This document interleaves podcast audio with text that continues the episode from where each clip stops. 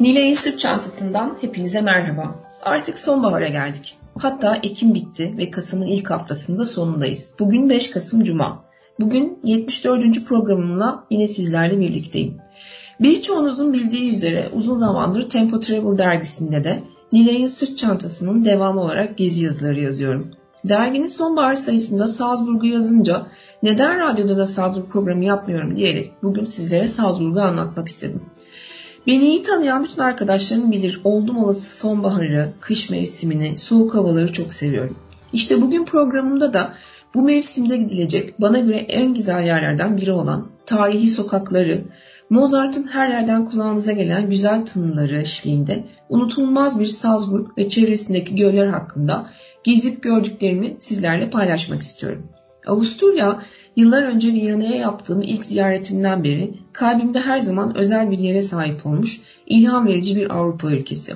Avusturya'nın göllerini, dağlarını, Noel pazarlarını, müzelerini, geçmişe dayanan tarihini ve berrak havasını çok seviyorum. Sadece bunlarla kalsa iyi. Dağlar, pırıl pırıl yeşil göller ve çikolata kokulu köyler Avustralya, Avusturya'yı ziyaret edilecek en iyi destinasyonlardan biri yapıyor. Yıllar boyunca Avusturya'da Zalmzee ve Aachensee dahil olmak üzere bir dizi güzel gölü ziyaret etme şansına sahip oldum. Ancak Salzkammergut bölgesi olarak bilinen Salzburg çevresindeki göller bölgesi bana göre ziyaret edilecek en iyi bölgelerden biri. Anlatacağım göller Salzburg'a yakın Salzkammergut göller bölgesindeki irili ufaklı yaklaşık 50 gölden sadece birkaçı. Avusturya'yı ziyaret ettiğinizde Bunlardan en az birkaçını seyahat programınıza dahil etmenizi tavsiye ederim. Dramatik dağların parıldayan mavi buzul göllerine döküldüğü ve fiyortlara benzeyen manzaralar oluşturduğu Avusturya'nın göller bölgesi, güzelliğinin mutlaka keşfedilmesi gereken bir bölge olarak benim aklımda kaldı. Bu muhteşem göllere geçmeden önce sizleri biraz masalsı bir şehir olan Salzburg'u anlatmak istiyorum aslında. Gelin hep birlikte Salzburg'u tanıyarak gezimize başlayalım. Salzburg Alp dağlarının eteğinde Salzak ırmağı kıyılarında zerafeti ve masalsı atmosferiyle adı Mozart ile anılan ve Salzak Nehri tarafından ikiye ayrılan muhteşem ötesi bir şehir. Şehrin Old Town yani Altstadt bölgesi tam tepede bütün heybetiyle oturan Hohensalzburg Kalesi ve bir turist olarak gezmek isteyeceğiniz yerlerin tamamını içine alacak bir bölge. Aslında görmek isteyeceğiniz birçok şeyi orada bulabiliyorsunuz. Nehir de adını tıpkı şehrin adı gibi tuzdan almış. Çünkü eskiden madenlerden çıkan tuzu taşımak için nehir sıklıkla kullanılıyormuş. Tuzun ve tuz ticaretinin Salzburg tarihinde önemi çok büyük. Sebebi ise bölgede tuz yataklarının ve onun yarattığı zenginliğin çok fazla olması. Tuza özellikle buzdolabı olmadan önceki dönemde yemeklerin muhafaza edilmek adına bolca kullanıldığından white gold yani beyaz altın deniyormuş. Çünkü en az kadar en az altın kadar değerliymiş ve fiyatları da gerçekten çok yüksekmiş. Tuz Salzburg için öylesine önemli ki adı da tuzdan kale anlamına gelen Almanca tuz yani Salz ve kale, kale anlamına gelen Burg kelimelerinin birleşiminden meydana geliyor. Dağlarla çevrili bu şirin kenti ilk yerleşenler önce 5. yüzyıl civarında Keltler olmuş. Milattan sonra 45 yılında ise şehir belediye statüsünü almış. 789'da başpiskoposluk ilan edilen Salzburg'un etkisi bugün Hırvatistan ve Macaristan'a kadar uzanıyor. Zengin tuz yatakları sayesinde ekonomik olarak gelişen Salzburg, günümüz Avusturya eyaletleri içinde başpiskopos prens tarafından bağımsız olarak yönetilmiş tek bölge özelliği, özelliğini, tek bölge olma özelliğini ise hala koruyor. İstanbul'dan sadece 2 saatte uçabileceğiniz Salzburg'un eski kent merkezi 1996 yılından bu yana UNESCO Dünya Mirasları listesinde bulunuyor. Orta çağdan kalmış tarihi dokusu, zarif meydanları, görkemli kale ve katedralleri, Mozart çikolataları ve dar açık sokaklarda gezinen şık insanlarıyla burası rahatlıkla ve aynı zamanda güvenlikli bir şekilde gezebileceğiniz çok keyifli bir Avrupa kenti. Kendisiyle aynı adı paylaşan eyaletin de merkezi olma özelliğini taşıyan ve Alplerin kuzey ucunda yer alan Salzburg'un nüfusu ise sadece 151 bin. Şehrin içinde Salzburglulardan daha çok dünyanın dört bir tarafından gelmiş birçok turisti görme şansına sahip oluyorsunuz. Hangi mevsimde giderseniz gidin Salzburg'da dünyanın her yerinden turist oluyor. Salzburg, Viyana ve Graz ve Linz'den sonra Avusturya'nın dördüncü büyük kenti. Salzburg Avrupa'daki merkezi konumda bulunan şehirlerden de biri aynı zamanda. Yani siz aslında Salzburg'a gittiğiniz zaman çevresindeki farklı ülkelerin birçok büyük şehrine de kolaylıkla ulaşma şansına sahip oluyorsunuz ve zaten Avrupa'daki tren ağı biliyorsunuz bütün şehirlerden, bütün şehirleri olduğu için de rahatlıkla farklı bir ülkedeki büyük bir şehre seyahat edebiliyorsunuz. Almanya'nın Münih şehrine sadece 150 kilometre, başkenti Viyana'ya 300 kilometre, Ljubljana'ya ise sadece 285 kilometre uzaklıkta bu güzel şehir. Ee, Salzburg'dan başlayarak aslında farklı ülkeleri ve şehirleri de görebileceğiniz bir haftalık bir tur yaptığınızda aslında bir hafta içinde 4-5 ülkeyi göz, gezme ve görme şansına da sahip olabiliyorsunuz aynı zamanda. Salzburg sokaklarında gezerken bazı evlerin üzerinde iki tane tarih vardı. Bu nedir diye çok merak ettim. Biraz araştırma yaptığımda da tarihlerden birisinin 1300'lü ve 1400 yıllara ait olduğunu, diğer tarihin ise 1900 yıllara, yıllara ait olduğunu gördüm. Eski olan binanın yapılış tarihi, yeni tarihin ise restorasyon tarihi olduğunu gördüm. İki tarih arasındaki sürenin bazen 500 yıl bazen 600 yıl olduğunu da gördüğümüzde aslında şehrin tarihinin ne kadar eskilere dayandığını anlayabiliyoruz. Zaten sokaklarda gezerken e, sokaklardaki taşlardan kaldırım taşlarına kadar ya da binaların pencerelerinden binaların dış cephesinin rengine kadar birçok şeyin hala eskisi gibi kaldığını, eskisi gibi korunduğunu görme şansına sahip oluyorsunuz. Salzburg turistlere dört mevsim gezmeyi imkan veren bir şehir aynı zamanda. Dört bir tarafı ormanla dolu, bolca ormanın olduğu, 76 tane göl ve dağların bulunduğu bir yer olduğu için ilkbahar ve sonbaharda yeşilin bir mil tonunu görme şansına sahip oluyorsunuz. Kış aylarında ise kayak severlerin sıklıkla tercih ettiği kayak turizmi için oldukça yoğun gidilen bir bölge. Özellikle Zalemziz civarında çok güzel kayak ve aynı zamanda da çok popüler kayak destinasyonları var.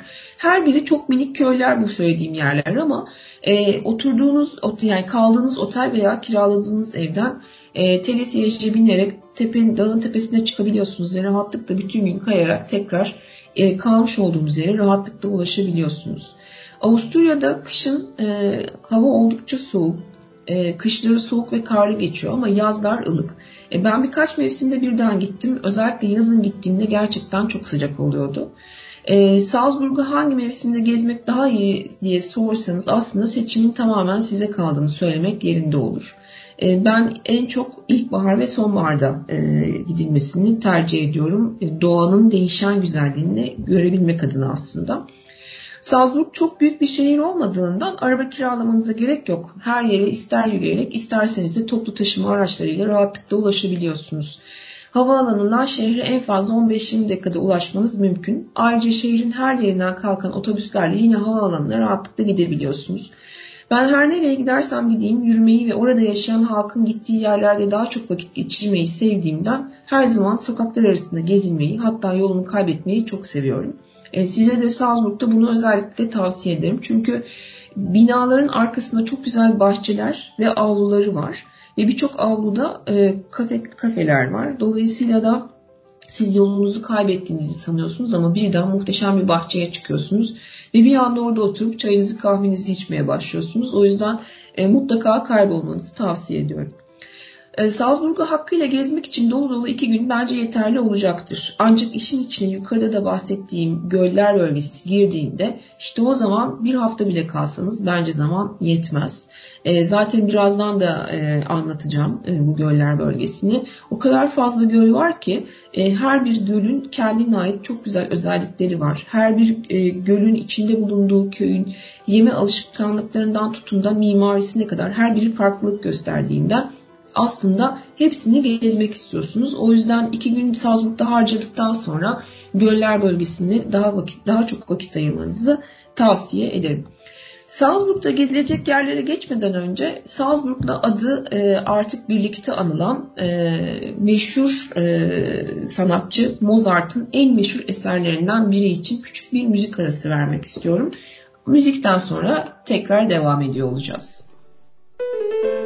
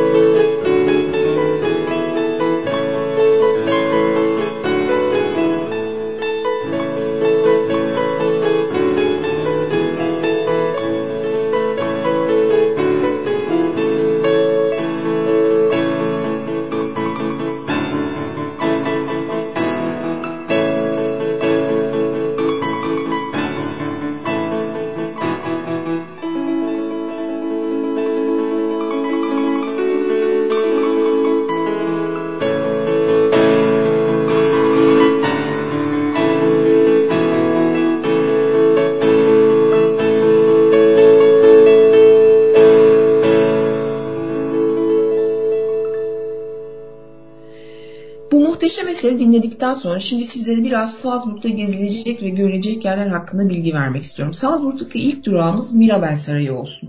Salzburg'a gittiniz ve şehri gezmeye başlayacaksınız. Gözünüzün, gönlünüzün ve ruhunuzun şenlenmesi için ilk durak sahip olduğu doğa ve tarihi zenginliklerle ziyaretçilerini kendine hayran bırakan Salzburg'un belki de en görkemli yapılarından biri olan Mirabel Sarayı ve Avrupa'nın en güzel barok bahçelerinden biri olarak kabul eden Mirabel Bahçesi'ne gitmenizi tavsiye ederim.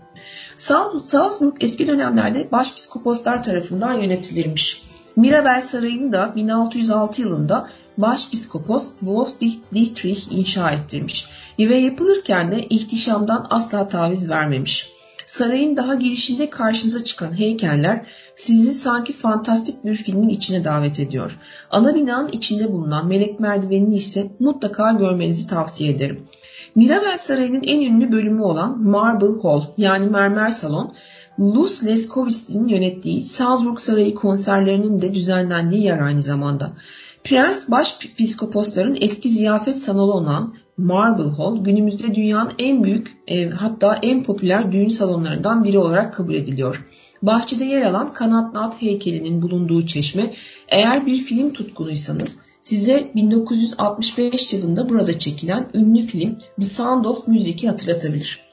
Mirabel Sarayı şehrin müzikle iç içe geçmiş, tarihine notalardan bir satır daha eklemiş çok güzel bir saray. Turunuza buradan başlamanızı ve bol bol fotoğraf çekmenizi tavsiye ederim. Bahçenin en meraklı edilen bölümlerinden biri de Cüce Bahçesi. Başpiskopos Franz Anton Fürst döneminde düzenlenen bu bahçede beyaz Untersberger mermerinden yapılmış toplam 17 cüce heykeli bulunuyor. Bahçede gül bahçesi ve palmiyelerle bezeli Oruncuya bölümünde görmenizi tavsiye ediyorum. Sarayın bahçesini sabah 6'dan hava kararını dek görebilirsiniz. Binanın kendisini ise sabah 8 akşam 16 saat 18 saatleri arasında gezme şansına sahip olabilirsiniz. Avusturya'ya adım attığınız andan itibaren özellikle Salzburg'dan geliyorsanız sağınız, solunuz, önünüz, arkanız hep Mozart olacak. Yaşadığı şehirler, ailesinin evleri, geçtiği yerler kadar her yerde muhakkak Mozart ile ilgili bir şey karşınıza çıkıyor. Adımını attığınız her yerde ya şarkılarını duyuyorsunuz, ya eserlerinden birkaç parça kulağınıza geliyor, ya kendisiyle ilgili satılan hediyelik eşyalara denk geliyorsunuz ama bir şekilde bir yerde karşınıza mutlaka Mozart çıkıyor. Klasik müzik dehası Wolfgang Amadeus Mozart 27 Ocak 1756 tarihinde Salzburg'da doğmuş. Mozart'ın babası Leopold de yetenekli bir müzisyen ve bestekar olmasından dolayı oğlundaki cevheri çok küçük bir yaşta fark etmiş. Oğlunun başarılı bir müzik dehası olması için elinden geleni yapmış. Mozart daha 5 yaşındayken piyano ve violonsel çalıyormuş. Salzburg'un sokaklarında yürürken Mozart'ın gençliğine doğru bir yolculuğa çıkmış oluyorsunuz adeta. Çünkü biraz önce de dediğim gibi evlerin balkonlarından, mağazalardan, girmiş olduğunuz kafelerden, her yerden Mozart'ın eser, eserlerini duymanız mümkün. Mozart'ın doğduğu bina Mozart's Geburtshaus olarak geçiyor ve içinde bir süre yaşadığı bir ev olan Mozart Wohnhaus müze olarak gezmeye e, açık. E, her iki binayı da rahatlıkla gezebiliyorsunuz. Binalardan birisi şehrin eski bölümünde, bir diğeri ise daha yeni olan kısmında. Mozart ve ailesi 1773 yılında ünlü besteci 17 yaşındayken Mozart Wohnhaus'a yani içinde bir süre yaşadığı eve taşınmış ve 1787 yılına dek burada kalmışlar. Besteci daha sonra 1781 yılında bu evden ayrılıp Viyana'ya yerleşmiş. Burası Mozart'ın doğduğu binaya göre daha sade bir yapı, şeker pembesi duvarları var. Eğer kısıtlı bir zamanınız var ise e, ve sadece bir eve zaman ayıracaksanız doğduğu eve gitmenizi öneririm. Mozart'ın 27 Ocak'taki doğum gününü kutlamak amacıyla Salzburg'da her yıl Mozart Müzik Festivali eğer klasik müziğe ilginiz varsa 24 Ocak ve 3 Şubat tarihleri arasında e, gerçekleşecek Mozart Müzik Festivali'nde katılabilirsiniz. Bu tarihlerde gerçekleşen Salzburg turları müziğin ve aslında eğlencenin en keyifli olduğu dönemlere denk geliyor. Avusturya'nın oldukça soğuk günlerinde e, gerçekleşen bu festivalde E, sokaklarda sıcak şarabınızı ve klasik müziğin huzur dolu etkisini duyabilme görebilme şansına sahip oluyorsunuz. Her ne kadar hava çok soğuk olsa da müziğin sizin içinizi ısıtacağından şüphem yok. O yüzden mutlaka bu döneme denk getireceğiniz bir tarihte gitmenizi tavsiye ederim. E, tabii Mozart'ın birçok eseri var ve gerçekten e, şaheser eserler yapmış ama sadece 35 yıl yaşamış. Oldukça kısa bir hayatı olmuş. Sağlık sorunları ile e, ilgili olarak çok fazla sıkıntı yaşamış ve bu yüzden de e, oldukça genç bir yaşta ölmüş. Acaba 35 yaşında değil ölmeseydi ve daha yaşasaydı şu anda kimdir? E, daha ne kadar farklı eser dinleme şansına sahip olacaktık açıkçası düşünmeden edemiyorum. E, Mirabel Sarayı'nı gezdiniz, Mozart'ın evlerine gittiniz. O zaman şimdi rotanızı gönül rahatlığıyla Salzburg Müzesi'ne çevirebilirsiniz. 1834 yılında Napolyon Savaşları'nın anısına askeri nitelikli küçük bir koleksiyonun sergilenmesi amacıyla kurulan Salzburg Müzesi, her şehrin adını taşıyan bir müzeden çok daha fazlasını barındırıyor aslında. Salzburg Müzesi'nde kentin tarihini detaylı bir biçimde görebilme şansına sahip oluyorsunuz. Müzenin bir kısmı gerçekten ayrı bir müze olmaya değecek nitelikte sergilere ev sahipliği yapıyor. Müze binası eskiden şehrin yönetim merkezi olan beyaz renkli koca bir binaya kurulmuş. Adı da Neu Residence yani yeni residence olan ve duvarı ile iç içe geçmiş gibi görünen hoş kubbeli ve prizmatik bir e, kulesi içinde bulunan bu binada birbirinin içine geçen birçok salon var. E, en alt katında ise sanat ve bilim dallarında e, öne çıkan Salzburgluların e, kendi yapmış oldukları e, hem e, tarihi ve turistik eserleri hem de bilime ait e, çok güzel sergilere ev sahipliği yapıyor. İkinci katta ise dünyanın her yerinden toplanmış antik çağ kalıntılarının sergilendiği bir kanat var. Binanın diğer kanadında ise Salzburg'da yapılmış sanat eserleri bulunuyor. Eğer bilime, kültüre, tarihe, sanata meraklıysanız ve tabii ki vaktiniz de varsa e, bu müzeyi boydan boya gezmenizi tavsiye ederim. Salzburg denince heybetli görüntüsü ve tüm şehre tepeden bakan hakim kuvvet olma özelliğiyle Salzburg Kalesi geliyor benim aklıma. Kentin en önemli simgesi konumundaki Salzburg Kalesi 1077 yılında inşa edilmiş ve zamanla alanı genişletilmiş. Günümüzdeki görkemli haline ise 1495 ila 1519 yılları arasında şehri yöneten son feodal hükümler olan Leonard von Küchnevat tahtta olduğu dönemde kavuşmuş. Avrupa'nın en büyük ve belki de en iyi korunan kalelerinden biri olan barok tarzı tarihi yapının Altın Salon adlı bölümü yıl boyunca Mozart'ın eserlerine odaklanan konser serisine ev sahipliği yapıyor. Eğer kaleyi ziyaretinizi pazar günü saat 11.45'e denk gelecek şekilde ayarlarsanız geleneksel olarak yapılan canlı müzik dinletisini dinlemiş olursunuz. Ben dinledim gerçekten çok keyifli ve çok güzel kaçırmamanızı tavsiye ederim. Kente tepeden bakan bu kaleye ister yürüyerek ister e, finiküler sistemle çıkabilirsiniz. Yeşil ağaçlarla dolu e, Feştenberg Kale yani kale tepe üzerinde yer alan bina aşağıdan baktığınızda erişilmezmiş gibi görünüyor. O yüzden finiküleri tavsiye ederim. E, kale Mayıs ile Eylül ayları arasında sabah 9 akşam 7 arasında açık. Diğer aylarda ise 9.30 ile 5 saatleri arasında ziyarete açık. İçinde aynı zamanda çok güzel küçük bir kukla müzesi ve aynı zamanda askeri müzede yer alıyor. Avrupa'nın her şehrinde olmazsa olmaz bir katedral mutlaka vardır biliyorsunuz. Salzburg Katedrali ya da diğer adıyla Salzburg Dom da oldukça büyük bir katedral. Yapımı milattan sonra 774 yıllarına dayanıyor. Katedral şehirdeki kilise mimarisinin en önemli parçası ve aynı zamanda dini merkez olarak biliniyor. Rengi yeşile dönmüş kubbesi ve kuleleri e, bölgeden çıkan e, Untersberg mermerinden yapılmış. E, Residence Plus'ın yanında yer alan yapı çeşitli yangınlardan dolayı zarar görmüş olsa da aslında uygun olarak birçok kere restore edilmiş. Katedralin hem içi hem de dışı bence çok güzel. E, gitmenizi, görmenizi ve mistik havayı içinize çekmenizi e, tavsiye ederim. E, aynı zamanda Mozart da bu katedralin içinde vaftiz edilmiş. Şimdi gelelim büyüleyici Residence Plus'ta. Prens Başpiskopos Wolf Dietrich e, zamanında şey, Salzburg şehrinin silüetini oldukça değiştirmiş ve güzelleştirmiş. şehrin farklı noktalarına 5 tane büyük meydan inşa ettirmiş. Bu meydanların her birinde birbirinden güzel eserler e, inşa edilmiş. Ancak bu eserlerin hiçbiri 16. yüzyıl şaheseri olan ve tasarımını İtalyan mimar Vincenzo Scamozzi'nin üstlendiği Residence Plus kadar etkileyici olmamış. Residence Plus'ın turistler tarafından en çok ilgi gösteren diğer bir eseri de Residence Brunel Çeşmesi. Yaz aylarında düzenlenen çok sayıda etkinlik ve festivale cıvıl cıvıl bir görünüme sahip olan meydan tarihinde üzüncü olaylara da sahne olmuş ne yazık ki. Nazi döneminde yönetim muhalif kitapları bu meydanda toplayarak yakmış. Meydan aynı zamanda dünyaca ünlü markaların butiklerinde de ev sahipliği yapıyor. Avusturya'da özellikle Noel'den sonra büyük bir indirim oluyor. Eğer yılbaşı döneminde Salzburg'da olacaksanız bu indirimden faydalanarak çok güzel parçalara sahip olabilirsiniz.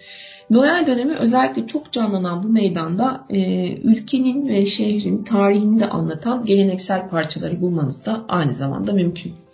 Peki Salzburg'a geldik neler alabiliriz, nereden alabilirsin, alabiliriz derseniz o zaman size mutlaka Gasse Caddesi'ne gitmenizi öneririm. Gasse Caddesi Salzburg'un kalbi ve aynı zamanda en güzel caddesi. St. Blasius Kilisesi'nin başında yer aldığı Gasse Caddesi'nin en önemli özelliği markaların tabelalarının hepsinin ferforje olarak tasarlanmış olması. Bu Ferforje tabela uygulaması bence Salzburg'u birçok şehirden farklı bir yere koyuyor. Dünyaca ünlü ve standartizasyonlarıyla her ülkeyi benzer hale getiren birçok markanın bile caddenin ahengini bozmadan Ferforje tabelasını takmış olması beni gerçekten çok mutlu ediyor. Kentin en turistik yeri olan Getreidegasse Caddesi cıvıl cıvıl kafelerin, pasajların ve dükkanların bulunduğu rengarenk bir bölge. Cadde o kadar uzun ve o kadar çok ara sokakları var ki biraz önce size söylediğim gibi e, kendinizi ara sokaklara atmanızı, biraz kaybolmanızı, hatta bilerek kaybolmanızı, karşınıza çıkan avlulardan birine oturup bir dinlenme kahvesi içip sonra tekrar yola koyulmanızı şiddetle tavsiye ederim. Ee, tabii burada yine e, her ne kadar bu caddeden bahsetmeden geçmek olmazsa Makarstedt Bridge'den de bahsetmeden Salzburg'u tam olarak anlatmış olmayacağımı düşünüyorum. Sadece yayalara ve bisikletlere açık olan ve Salzar Nehri üzerinde bulunan köprülerden biri olan Makarstek Köprüsü, aşıkların aşklarının sonsuza dek sürmesi için kilitlere yazdıkları dileklerini köprünün zincirlerinde kilitlemeleriyle ünlenmiş. Her geçen gün üzerindeki renkli kilitlerin sayısının artması köprüye inanılmaz bir güzellik, güzellik ve bir görsellik katıyor. E, köprü adını Salzburg'da doğup büyüyen 19. yüzyıl tarihçi ressam Hans Makars'tan almış ve 1905 yılında yapılmış. Makars, Ringstrasse'nin görkemli binalarının çoğuna sanat eseri sağlayan Viyana tarihselciliğinin ressamı olarak da aynı zamanda oldukça ünlü.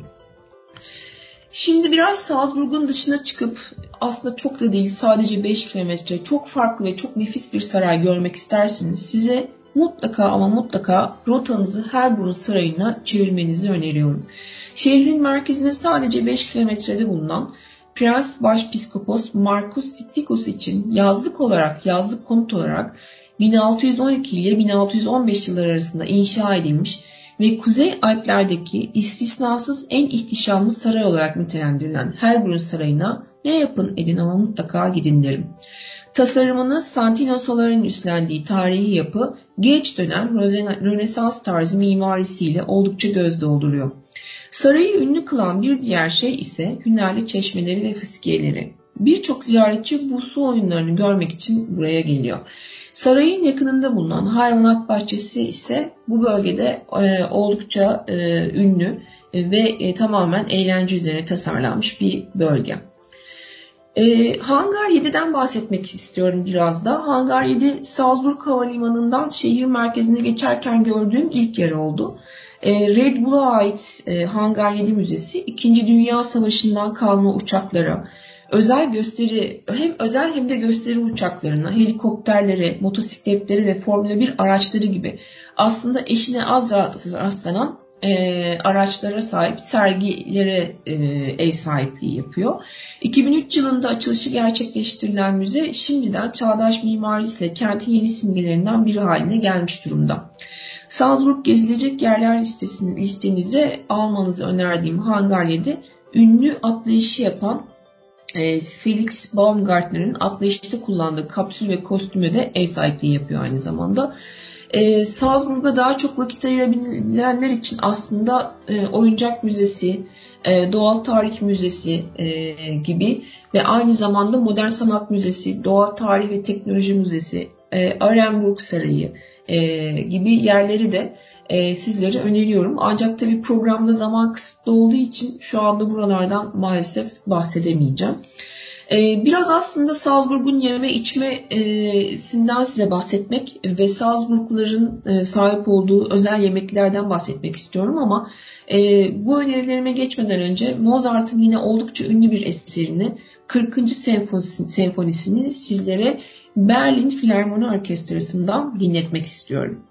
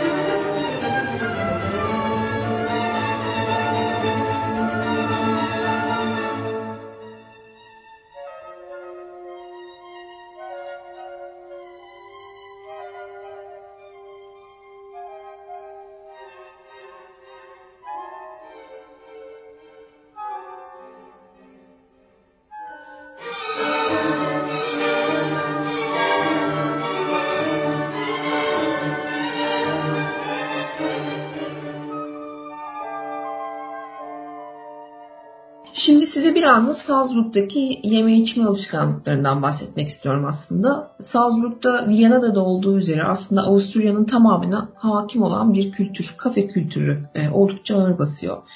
Günün herhangi bir saatinde gidip bolca vakit geçirebileceğiniz gerçekten çok güzel kafeler var. Bu kafelerin bazılarının binaları o kadar tarihi öyle eski ki böyle kafenin içine girdiğiniz zaman dışarı çıkmak istemiyorsunuz e, saatlerce oturup e, orada seyretmek istiyorsunuz. Ben normalde kafelere gidip kitap okumayı e, gerçekten çok severim ama e, nedense Salzburg'da, Viyana'da veya aslında Avusturya'nın herhangi bir şehrinde bir kafeye gittiğim zaman e, sadece kafenin içini incelemek bile bana inanılmaz bir huzur veriyor ve bazen saatler geçiyor orada oturarak. E, size de bunu e, denemenizi e, tavsiye ediyorum aslında. Salzburg'a özgü lezzetlerin başında yumurta ve reçelden yapılmakta olan bizdeki bezeye benzeyen Salzburger e, Nockerl diye bir e, tatlı geliyor. Aslında benim tatlıyla neredeyse hiç aram olmadığından bana biraz ağır gelmişti tadı. vanilya ve şekerli bir hamurun içine krema koyarak büyük mantılar şeklinde kapatıp pişirilen bir şey ve e, üzerine de ahududu sosuyla servis ediyorlar. E, tabii bu kadar tatlı olduğu için de yanında mutlaka sert bir kahve ile denemenizi tavsiye ediyorum. Zaten Avusturya'da da yanında sert bir kahve e, getiriyorlar e, diyebilirim. Salzburg örgü özgü bir diğer tat ise ilk olarak 1884 yılında Cafe Fürst tarafından üretilmiş olan Mozart Kugeln yani Mozart topları. Ee, üzerinde Mozart'ın resmi olan e, eminim Avusturya'ya giden herkesin e, geri dönüşte aldığı e, meşhur çikolata topları bunlar. Çikolata kaplı badem ezmesinden oluşuyor aslında bu e, Mozart Kugeln. Avusturya'nın herhangi bir bölgesine giden herkes e, bu çikolata toplarını mutlaka e, alıyor ve yiyor ve neresine giderseniz gidin tadında hiçbir değişiklik olmuyor. Gerçekten çok güzel.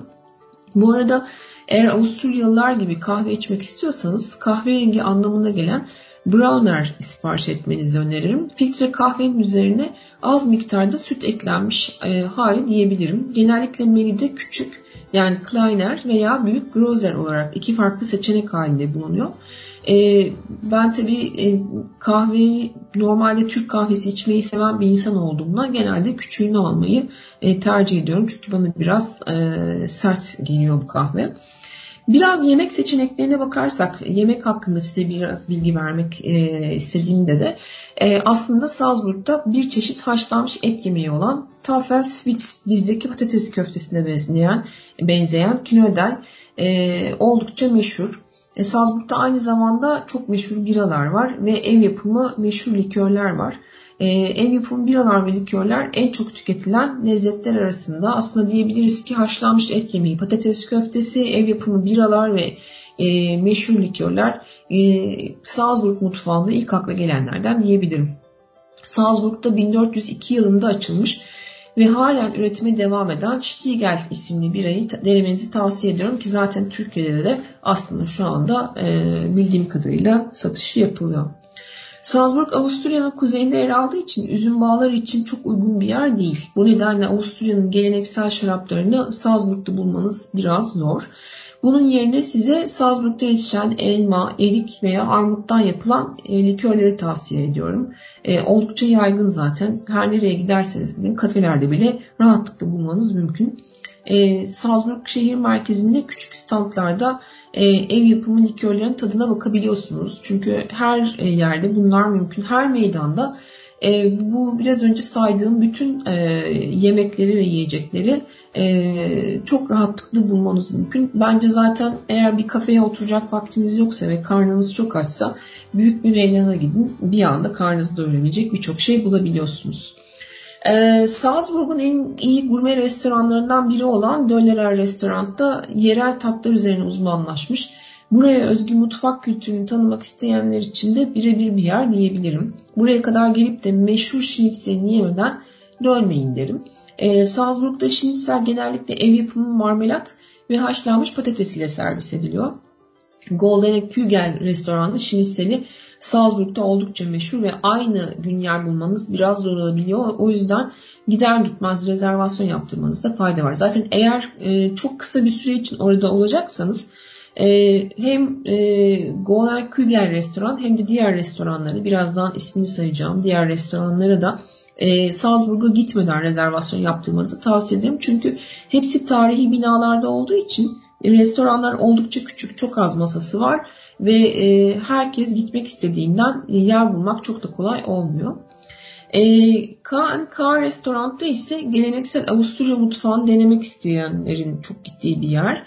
E, burada geleneksel et yemeği olan Tafelschwitz ve göl balıklarıyla ünlü Tofen noodle'ı denemenizi tavsiye ederim. Lezzetli organik etler ve e, meşhur gulaş Macar çorbasını ve aynı zamanda bunların üzerine geleneksel çikolata yap çikolatadan yapılmış sufle ile yemeğinizi sonlandırmak istiyorsanız da Triangle restorana gitmenizi tavsiye ediyorum. Ben bunları denedim. Gerçekten çok hoşuma gitti. O yüzden sizlere de gönül rahatlığıyla öneriyorum. E, Salzburg'daki patates kızartmaları da oldukça meşhur, oldukça lezzetli. E, zaten Avrupa'nın birçok yerinde, Amsterdam'da da mesela, e, aynı zamanda Brüksel ve Belçika'nın birçok şehrinde bu patates kızartmaları gerçekten çok meşhurdur. E, hatta bazılarının tadı hala damağımda kesinlikle unutamam. E, yani eğer sağlıksız bir şeyler yemek, ayaküstü hemen hızlıca karnınızı doyurmak istiyorsanız bu patates kızartmalarını yemenizi tavsiye ederim. Ama ben sağlıklı bir şeyler yemek istiyorum derseniz de yine e, Salzburg'da lahana salatalarını denemenizi tavsiye ederim. E, Doğu Avrupa'da hala çok yaygın olan lahana salatası Salzburg'da da e, oldukça popüler. Yurt dışında herhangi bir yere gitmeden önce e, mutlaka o şehirdeki geleneksel çaylar satan dükkanları araştırıyorum. Çünkü ben bir çay e, ba- bağımlısıyım diyebilirim. E, özellikle farklı ülkelerden aldığım farklı çayları birbirine e, karıştırarak farklı e, tatlar oluşturuyorum. Bu benim çok hoşuma gidiyor. E, Salzburg'a gitmeden önce de yine burada e, acaba meşhur bir çaycı var mı e, diye e, merak edip araştırmıştım. E, sokakların arasında kaybolurken T&Co adlı bir mağaza buldum. Ee, gerçekten çok güzel bir mağazaydı. 1993 yılından beri açık olan T&Co'da dünyanın birçok yerinden harmanlanmış nefis çayları bulmanız mümkün. E, Tianco oldukça tarihi ve barok mimarisi olan bir binada bulunuyor. E, dükkanın içine girdiğiniz anda aslında burnunuza inanılmaz farklı e, kokular geliyor. Ve birçok e, çayı farklı farklı şekilde ikram ediyorlar size.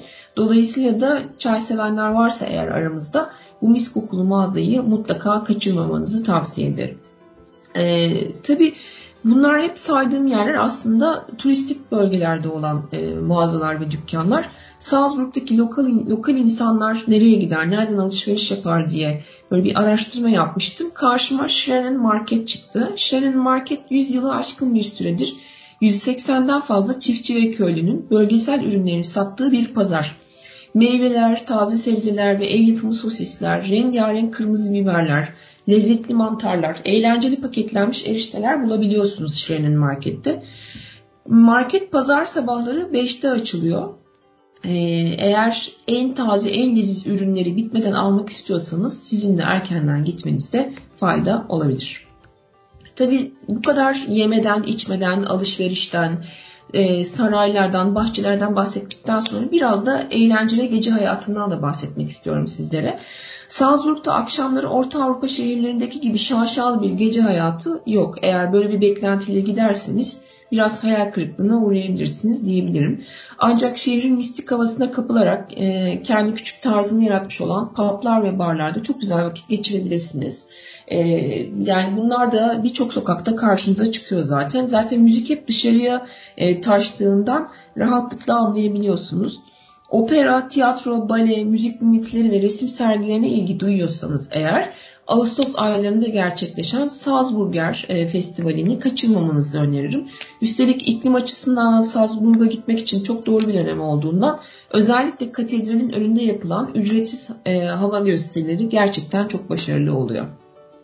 Şimdi biraz aslında göller bölgesine geçmek ve size göller bölgesini anlatmak istiyorum ama e, göller bölgesine geçmeden önce yine eşsiz bir eserle minik bir ara vermek istiyorum. Sonrasında tekrar görüşüyor olacağız zaten.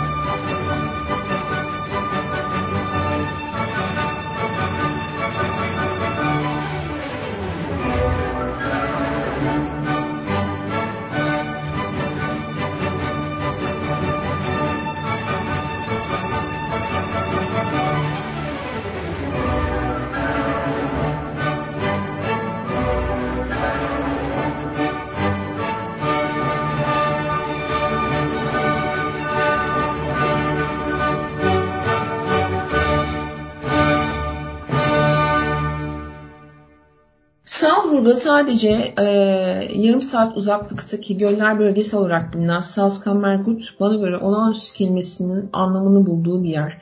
Görkemli Alp dağlarının manzarasına bakan, balkonlarından çiçeklerin sarktığı şirin evler ve oteller, bakınca gözleri ayırmanın zor olduğu büyüleyici göller, bunu çevreleyen nefis e, köyler ve orman içerisinde kırılarak giden yollar, ve bu yollarda karşınıza çıkan ceylanlar, baharda yeşilin bin bir tonu, kışın karla, pitoresk bir tablo gibi gözünüzün önünde her şey inanılmaz muhteşem oluyor. Bunu bir isim olarak e, hayal edebilirsiniz aslında. E, gerçekten inanılmaz. Biraz önce de söylediğim gibi olağanüstü kelimesinin anlamını bulduğu bir yer bana göre Göller bölgesi. Bu göller manzaranın tadını çıkarmak isteyenlere de Alp dağlarının dibinde serin suların keyfini çıkarmak isteyenlere de keyifli anlar yaşatıyor. Birbirinden güzel manzaralar görüp harika fotoğraf kareleri yakalayabiliyorsunuz. Salzburg'da gezmek için araba kiralamanıza gerek yok demiştim hatırlarsanız. Ancak bu birbirinden nefis köylere gitmek için mutlaka bir araba kiralamanız gerçekten çok iyi olabilir. Bunun dışındaki yani eğer araba kiralamazsanız en iyi seçenek tren yolculuğu oluyor. Salzburg ve Viyana'dan göller bölgesine düzenli olarak kalkan trenler var. Ancak bu bölgede beni en çok etkileyen şeylerden biri de arabayla seyahat ederken karşınıza birden çıkan manzaraya karşı durup nefesinizin sesini duyacak kadar sessiz bu bölgelerde vakit geçirmek oldu. Bu nedenle tren yerine arabayla gezmenizi e, tavsiye ederim. E, bu gölleri göller aslında biraz önce de anlatmıştım. E, 50'nin üzerinde göl var. E, tabii ki vaktimiz çok kısıtlı olduğu için hepsini anlatmam maalesef mümkün olmayacak ama e, ilk olarak e, Futs am See Gölü'nden bahsetmek istiyorum size. E, Salzburg'a bahar ayında gittiğimiz bir seyahatimizde göller bölgesini gezelim ve keşfedelim diye kısa bir program yapmıştık. Sengilgen ve St. Wolfgang köylerinde molalar verelim ve ara sokaklarında yürüyelim diye çıktığımız yolda giderken Salzburg'dan çıkar çıkmaz 20 km ötedeki cennet gibi Futs am köyünü görünce buraya da uğrayalım dedik. Burayı o kadar çok sevdik ki aslında tüm planlarımızı değiştirdik. Göl deniz seviyesinden 650 e, metre yükseklikte 1300 kadar nüfusa sahip. E, oldukça da küçük bir göl ve oldukça da küçük bir e, köy aslında. Göl ve çevresi tam bir doğal aktivite alanı. Göl etrafında 11.8 kilometrelik romantik bir yürüyüş yolu bulunuyor. Göl ve çevresini keşfetmek için en ideal yol hem yazın hem de kışın rahatlıkla yapabileceğiniz trekking, e, git, o, trekking oluyor. Aynı zamanda eğer yanınızda mayo varsa göle girilen küçük plajlarda yüzme keyfi yapmanız bile mümkün. Çünkü su o kadar temiz ki e, kendinizi tutmakta çok zorlanıyorsunuz diyebilirim. E, köyün hemen e, gölün kendi ismiyle e, aynı zamanda bir köy var. E, çok yakınlarında ünlülerin ve Avrupa Sosyetesi'nin uğrak merkezi e, spalarıyla da ünlü olan Bet İşsil e, kasabası bulunuyor. E, oldukça sakin, huzurlu, harika bir havası olan masalsı bir kasaba burası. Evler yöreye özgü mimariyle bir bütünlük gösteriyor ve en yüksek bina 4 katlı. E, zaten daha fazlasını yapmanız yasak. O yüzden de böyle ileriye doğru baktığınızda gözünüzün zevkini bozan hiçbir şey göremiyorsunuz. Her şey birbiriyle büyük bir uyum içerisinde. Sokaklar yürüyüş için ideal, her yer çok temiz, bakımlı, her tarafta rengarenk çiçekler görebiliyorsunuz. E, Fuchs Gölü'nü izleyebileceğiniz en iyi nokta gölün doğusunda yer alan Elmastein adındaki tepe. Tepenin güney tarafında Elmastrasse yolu üzerinde gidebileceğiniz bir yürüyüş yolu bulunuyor. Yaklaşık 220 metre yukarı yürümeniz gerekiyor. Eğer bunu başarabilirseniz gerçekten muazzam bir manzaraya e, tanıklık ediyor oluyorsunuz. Biz bu yolu yürümeyi başardık ve manzarayı uzun uzun seyrettik ve aklımıza kazıdık. Bu nedenle size de yapmanızı tavsiye ederim. Ee, dağları, kasabalarının farklı kültürleri ve büyüleyici bir göl deneyimi yaşamak istiyorsanız o zaman ikinci bir durak olarak Wolfgang See Gölü'ne gitmenizi tavsiye ediyorum. Ee, Wolfgang See Gölü adını orta çağlara dayanan bir haç yeri olan ünlü St. Wolfgang köyünden almış. Alplerin kıyısındaki renkli evleri ve e, çok meşhur birkaç tane e, oteli bulunuyor bu köyün. ziyaret edebileceğiniz aslında en iyi yerlerden biri diyebilirim. E, yürüyüş, bisiklet, su sporları, kano, kayak ya da dağ turizmi olsun. Wolfgang Zee Gölü aynı zamanda doğa severler için gerçek bir cennet. Yapabileceğiniz pek çok aktivite var. Eğer vaktiniz varsa ve hemen buradan ayrılmak zorunda değilsiniz. Burada mutlaka kalmanızı tavsiye ederim size. E, bu aktivitelerden birini yapmanız e, gerçekten ayrı bir tecrübe olacak hepiniz için. Wolfgang Zee'nin suyu içme suyuyla aynı kalitede ve yaz aylarında yaklaşık 21-24 dereceyle gölde yıkanmak için de oldukça ideal. Gölün çevresinde çok sayıda yüzme noktası var. E, gölün içinde yıkanma keyfini tatmak istiyorsanız yine dediğim gibi burada mutlaka kalmak ve biraz daha fazla vakit geçirmeniz e, açısından çok ideal bir köy diyebilirim. Wolfgang Zee'de tekne gezintisi yapmak aslında yine bu tecrübelerden sadece bir tanesi değil aynı zamanda gölün çevresindeki kasabalar St. Wolfgang, Strobel ve St. Gilgen arasında da dolaşmanın da en kolay yolu aynı zamanda. Biz, ne, biz tekne turunu yaptığımız gün hava gerçekten çok güzeldi. Gölün çevresindeki tüm kasabaları görmek ve gölden e, gölü bol bol seyredebilmek amacıyla kendimizi teknede çok güzel bir yer bulmuştuk. Arkamıza yaslandık ve muhteşem manzaranın tadını çıkarttık. E, Wolfgang Zee'deki tekne gezintilerinin tarihi oldukça eskilere dayanıyor. E, buradaki buharla çalışan ilk çarklı vapur 1873 yılında denize inmiş. Eğer kendinizi bir zaman yolculuğunun içinde bulmak isterseniz Kaiser Franz Joseph isimli bu eski buharlı gemiyle bir tekne gezintisine çıkmanızı tavsiye ederim. E, gölün ve çevresindeki köylerin güzelliklerini tepeden keşfetmek isterseniz o zaman da Schafferberg Dağı'na giden ve 6 kilometrelik bir dağ treni olan Schafferberg trenine binebilir. 1783 metre yüksekliğe çıkabilir ve dik kaya duvarların yanına inşa edilmiş küçük bir dağ kulübesinden turkuaz ışıltılı gölü, e, tablo gibi evleri ve göz alabildiğine dağ manzarasını izleyebilirsiniz. 35 dakika süren bu yolculuk Mayıs ve Eylül ayları arasında yapılıyor. Özellikle kışın havaların soğumasıyla beraber seferler sona eriyor. E, gölün çevresinde 400'den fazla otel ve 200'e yakın restoran var. O yüzden hangi mevsimde giderseniz gidin mutlaka hem kalacak yer bulma şansınız hem de çok güzel yemekleri tatma şansınız olacak. E, biraz da Sengilgen e, kasabasından bahsetmek istiyorum bu noktada. Sengilgen kasabası Wolfgang Zee'nin kuzeybatı kesiminde yer alıyor. Mozart'ın annesi ve büyük babasına da bir dönem ev sahipliği yaptığından dolayı Wolfgang Zee'deki Mozart kasabası olarak da biliniyor.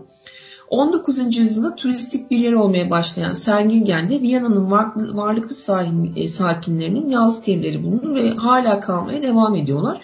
Burada yapabileceğiniz en güzel şey keyifli bir yürüyüş yaparak köyün havasının tadını çıkarmak olabilir.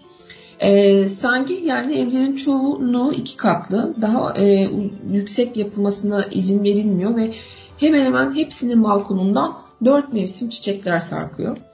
Wolfgang Gölü'nde yapabileceğiniz bir diğer aktivite ise 1500 metre yüksekliğindeki Zwalerhorn Dağı'na teleferikle çıkmak olabilir. Toplam 15 dakikada zirveye ulaşabiliyorsunuz bu teleferikte ve zirveye çıktığınızda tüm göl ve dağın e, tarafın, tarafındaki dağların muhteşem manzarasını aslında e, rahatlıkla görebiliyorsunuz. St. Wolfgang ve St. Gilgen kasabalarında ayrıca yerel el işçiliğinin e, oldukça e, iyi ve hani sadece buraya özel ürünlerini de bulabiliyorsunuz. Avustralya'ya özel ne varsa yapım örneklerini buradan alabilirsiniz. Özellikle Christmas zamanı kurulan pazarlar manzara ile birlikte çok farklı bir ortam yaratıyor.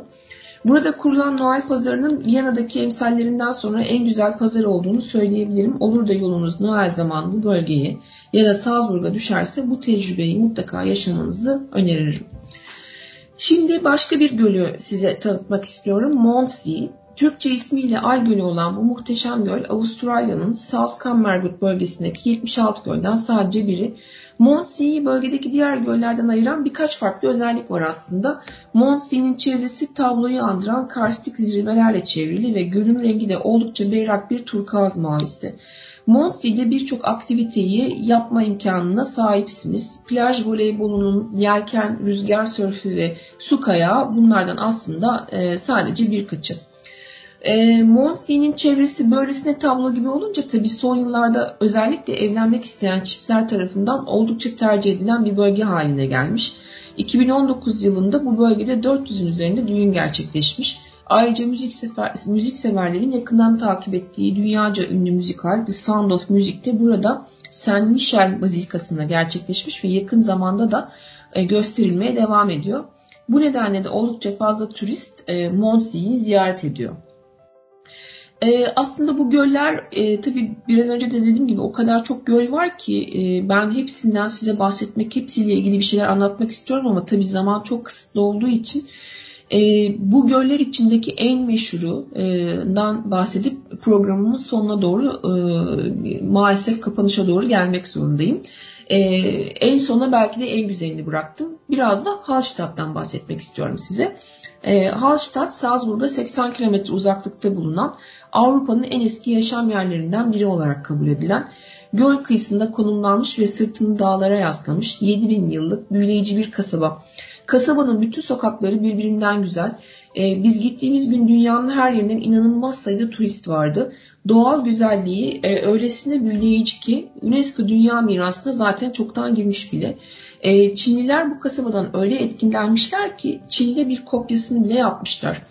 E, Hallstatt 4 mevsim gezebileceğiniz ancak sonbahar, sonbahar ve kış mevsimlerinin kendisine çok yakıştığı, e, dünyada en çok fotoğrafı çekilen 5. yer e, ve bence bu ünvanını da sonuna kadar hak ediyor. E, Hallstatt'a ilk vardığınızda sanki yarım günde gezilecek bir yer gibi görünmesine rağmen e, siz siz olun buraya çok daha fazla vakit ayırın. E, hem koşturmadan gezmenize hem de güzelim manzaranın keyfini doya doya çıkarmanızı yetmesi açısından bence e, Hallstatt iki günü hak ediyor. Çünkü bazı yerlerde gerçekten e, durup e, manzarayı seyre almanız gerekiyor. Ancak o zaman Hallstatt'ın tadını çıkarmış olursunuz diye düşünüyorum. Hallstatt'ta sokaklar öyle küçük ve öylesine büyüleyici ki bu manzaranın ve güzelliğinin keyfinin bozulmaması amacıyla arabanızı kasabaya girmeden epey geride bırakıp yürümeye başlıyorsunuz. Bir süre sonra yol sizi zaten ister istemez o her yerde gördüğünüz bilindik manzaraya point of silence yani sükunet noktasına getiriyor. Sakinlik, sessizlik bir tarafta göl, diğer tarafta her biri pastel tonlarla boyanmış, bakımlı balkonlarından çiçeklerin sarktığı, büyüleyici evlerin olduğu bu manzara e, aklımı yerinden almıştı diyebilirim. Uzaktan bakıldığında sanki hepsi birbirinin üzerine binmiş gibi duran evlerin aslında hepsi göl manzaralı ve mimariyi öyle güzel ayarlamışlar, öyle güzel yapmışlar ki hiçbiri bir diğerinin manzarasını kapatmıyor. E, Hallstatt dünyanın en eski tuz madenine sahip olması nedeniyle tarih boyunca oldukça önemli bir konumda yer almış. Hem tuz madenlerine gitmek ve tarihine tanıklık etmek hem de gölü ve kasabayı tepeden görmek için Nisan ayından Aralık ayına kadar finikülere binerek 360 metre yukarıya çıkabilirsiniz. Hallstatt, Dachstein, Kaiser, e, Karls, e, Salzmergut'un nefis kesici e, Alp Dağları panoraması, panoramasını seyir noktasından izleyerek bu görsel şölene tanık olabilirsiniz. Seyir noktasının adı Wetterbeblik.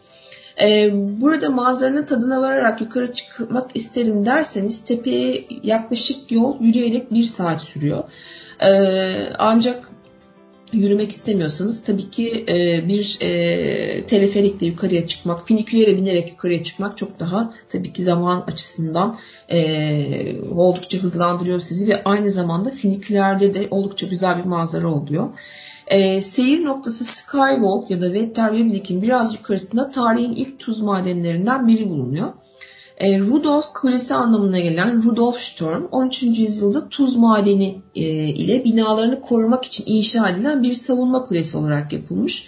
Şu anda hala restoran ve kafe olarak kullanılıyor. Tuz madenlerine 600 metre yürüyerek hafif bir tırmanış sonrası varıyorsunuz. Eğer dağların içinde yatan tuz madenlerini gezmek isterseniz öncelikle size özel bir kıyafet giydiriyorlar. Yüzeyin 300 metre derinliğindeki tuz madeni turları yaklaşık 1-1,5 saat sürüyor. Yerin yüzlerce metre aşağısına inerken yer yer kaydıraklardan kayıyorsunuz, tuzları inceliyorsunuz. Yüzyıllar önce tuzların bu madenlerden nasıl çıkarıldığını konu edinen filmler ve slide gösterileri izleyerek gördüklerinizi pekiştiriyorsunuz. Ve yukarı çıkarken de vagon tarzı bir araçla e, yukarı çıkıyorsunuz. Şimdi madenler birkaç kattan meydana geliyor. Tabii bu noktada şunu mutlaka söylemem lazım. Eğer kapalı alanda kalma konusunda sıkıntılarınız var ise e, madenleri gezmenizi çok önermem. E, çünkü belirli noktalarda gerçekten e, oldukça dar alanlara girmek zorunda kalıyorsunuz ve epeyce içeriye doğru giriyorsunuz. Bu nedenle e, özellikle kapalı e, alanda kalma konusunda sıkıntısı olanlar içeriye e, kesinlikle girmesin derim. E, Hallstatt'ta gölge, gölde tekne gezintisi yapabilir ya da göl kıyısına oturup kuğuları besleyebilirsiniz. E, onların süzülerek geçişlerini izleyebilir ve meşhur e, o, o bölgenin meşhur Das Bier adlı birasını içebilirsiniz. Ayrıca tüm fotoğraflarda görülen 1785 yılında ibadet merkezi olarak açılan e, kasabanın tam merkezinde bulunan e, Evangelical Kilisesi'nde ziyaret edebilirsiniz. Ben aslında bu bölgeyle ilgili daha saatlerce konuşabilirim. E, o kadar çok e, yere gittim, o kadar çok şey anlatabilirim. Anlatmayı da çok istiyorum ama maalesef saat çok kısıtlı. O nedenle bugünlük e, Salzburg ve Göller bölgesine ait anlatacaklarım bu kadar. E, beni dinlediğiniz için benimle beraber hem bu müzik yolculuğunda hem de masalsı bir şehrin sokaklarında adım adım gezdiğiniz için hepinize çok teşekkür ediyorum. Gelecek hafta yine muhteşem bir şeyde sizlerle olmak dileğiyle Nilay'ın sırt çantasından hepinize kucak dolusu sevgiler gönderiyorum. Ve kapanışı yine bir Mozart klasiğiyle yapmak istiyorum. Ee, önümüzdeki hafta tekrar görüşmek dileğiyle. Herkese çok güzel bir hafta ve çok güzel bir hafta sonu dilerim. Sevgiyle kalın. Müzik